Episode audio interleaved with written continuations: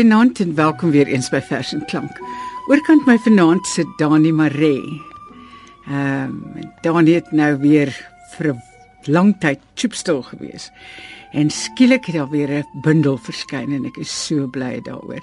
Baie geluk Dani, dis 'n pragtige bundel. Baie dankie Margo. Die titel is So lank verlange die sweep swaai. Ja, wel ek het agtergekom verlange swaai die sweep geweldig hier op aarde en ek dink dit dit maak sin in terme van die van die van die bundel en dit word erns die in die in die een van die verse ook opgehaal en ek voel ek hou altyd daarvan as 'n as 'n 'n titel eintlik so half die hele bundel gegeewe kan kan omarm en ek dink um, vir 'n vir 'n diep teleurgestelde romantikus soos ek is dit die korrekte titel. ja. Dis my wonderlik dat jy eerlik is oor daai soort ding. ja, ek voel die ander ding is jy weet daar is soveel dele van ons lewe wat so 'n kompromie is waar ons allerlei rolle moet speel en hoedens moet opsit ensovoorts om om nou te gaan oneerlik wees mm. in jou binnekamer wanneer jy sit en gedigte skryf dit sou nou wat my betref malligheid gewees het. Ja. Ja maar daar's 'n sekere dapperheid in mense soos jy wat bereid is om dit op papier te sit. Ek bewonder julle daarvoor want ek dink baie mense is half so beskermend oor hierdie jy weet ek dink baie mense het maar net verskillende coping mechanisms. Ek kan mm. nog nooit 'n lekker Afrikaanse woord daarvoor kry nie. En ek dink as as om eerlik jy weet uit te praat mm. joune is mm. dan dan is dit dan is dit maar jy te doen. Sê gou-gou vir my, ehm um, jou dogtertjie Lia. Ja. Nee, nou 6 jaar oud sê. Ja. ja, is een van die belangrikste indien nie die belangrikste ding in jou lewe en gebeurtenis ja. in jou lewe nie, nê? Nee. Ja, absoluut. As gevolg daarvan sit sy natuurlik baie stewig in die meeste van jou skryfwerk, maar mm. veral ook in hierdie bundel. Ja. Verstaan sy dit? Sy verstaan dit glad nie. Toe ek weet ek het by die huis gekom en ek het vir gesê iets, ek het 'n boek gekry en ek sê ek het dit aan jou opgedraai voorin. Sy sê lucky.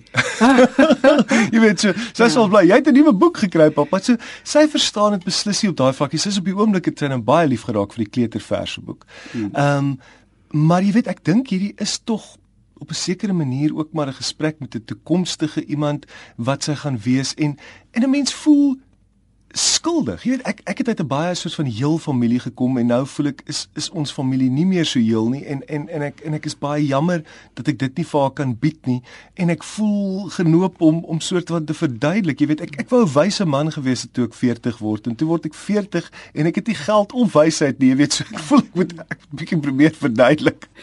Kom, kom ons lees want hier is pragtige werk in. Ehm um, jou eerste gedig wat jy vir ons gaan lees vanaand. Ja. Shorts. Jy sien, Shorts het ek geskryf toe ek so half nou maar wou aanvaar het dat hierdie wêreld my woning is en toe daarna het die lewe my nou weer lelik in die rede geval, maar ek dink hierdie ek dink die volkie voor is eintlik 'n liedjie van Leonard Cohen waar hy gesê het jy weet you lose your grip and then you slip into the masterpiece. Nou hy sê nooit wat die meesterstuk is nie, maar ek dink die lewe is 'n meesterstuk. Ek bedoel geen groot skrywer of dramaturg kon hulle meesterstukke gemaak het sonder hierdie sonder die hulp van hierdie gebroke lewe nie wat wat wat sorg vir soveel drama en dilemmas en opwinding, jy weet. Anymore. Wie net vir ons lees nie asseblief lees hom. George, die wêreld is alles wat die geval is, het Wittgenstein gesê. Maar ek in die gevalle alles het mekaar verkeerd opgevryf jare lank het ek my swart hart kinderlik soos 'n vuis vir revolusie gebal my tande vir 'n ander wêreld geslyp maar op hierdie uitgewaste somerdag met die stad wat soos opdrifsels teen 'n tafelberg vol littekens lê loop my beker oor. Drink ek van 'n dakkamer in Woodstock op het van verlange kraal en alles wat geval het. Want o hierdie bedroe wêreld met sy kleinlike oorloë liefdesverklaringe klopse kore en skelmpastore is my vervalle woning. Hierdie stikkende lewe met sy verspeelde lente sy reindogs en daai honde wat blaf by die hekke van paradise. Ja net hierdie lewe met sy madame boveries horries bergies en botteltjies blou gee ons 'n perverse meesterstuk ons daaglikse brood die groot onheilige mis voor die son.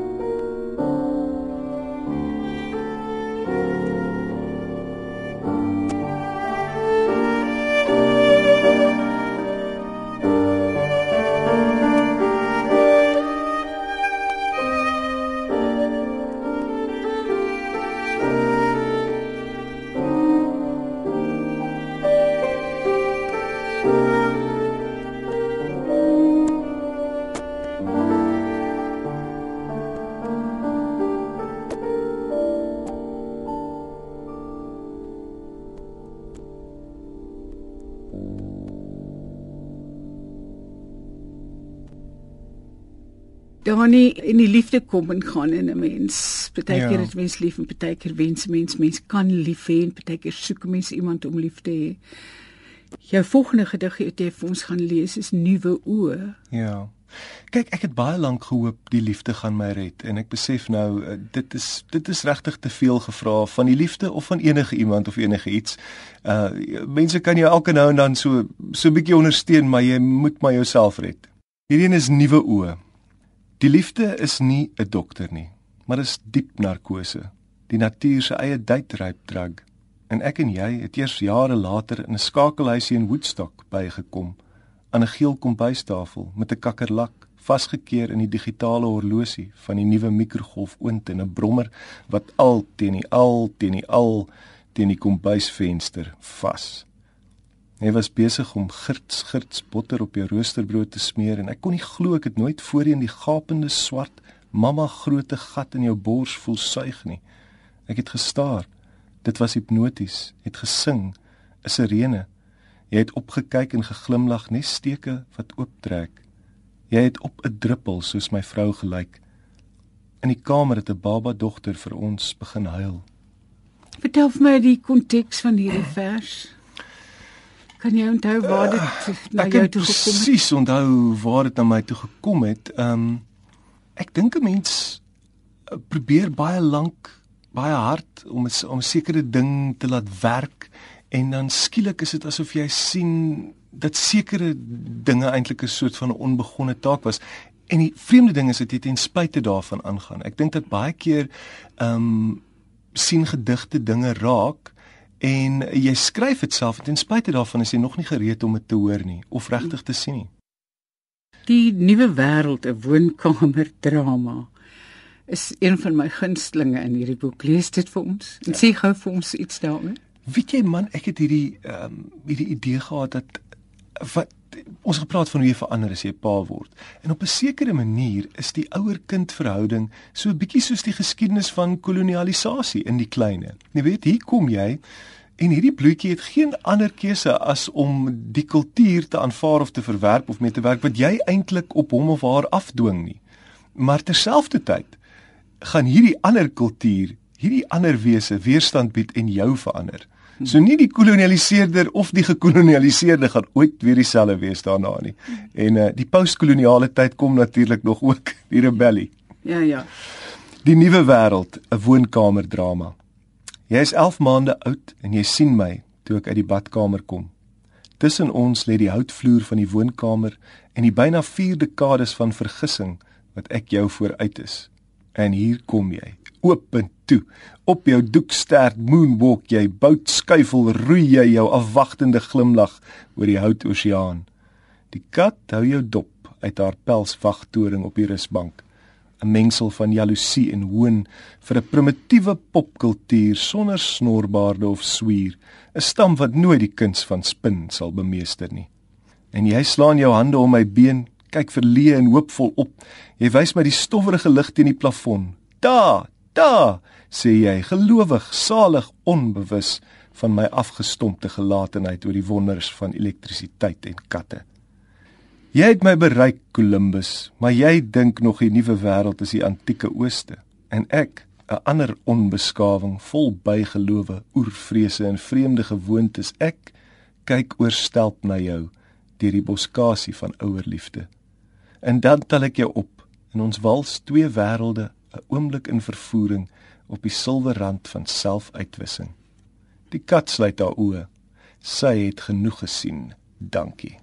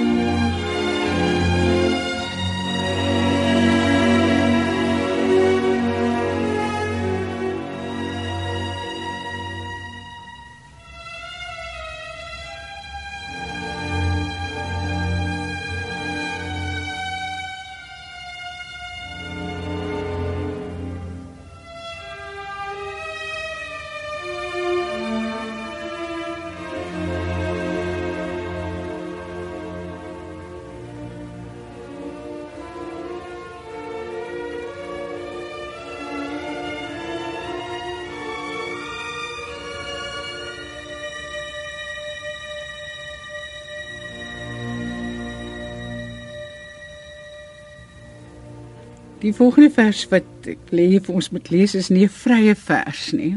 Ja, dit is nie 'n vrye vers nie. Dis jou vriendie is sonet by eerste en moontlik enigste een. Ek het dit aan Daniel Hugo voorgelê, hy het dit aanvaar. Ek het dit aan hom. Hy het, hy het so hy het so 'n bietjie gelag daaroor want ek het dit een keer voorgeles waar hy was. Hy sê dis nie 'n regte sonet nie. Dis reg, ek was daar. Ek ja, was die gehoor. En, en kyk, Daniel het mos al vir sy broer ook gesê jy is nie 'n digter voor jy die sonet geskryf het nie. So ek voel ek is nou 'n amptelike digter al is dit miskien nou nie, jy weet, 'n klassieke Italiaanse sonet. Dit is perfek nie.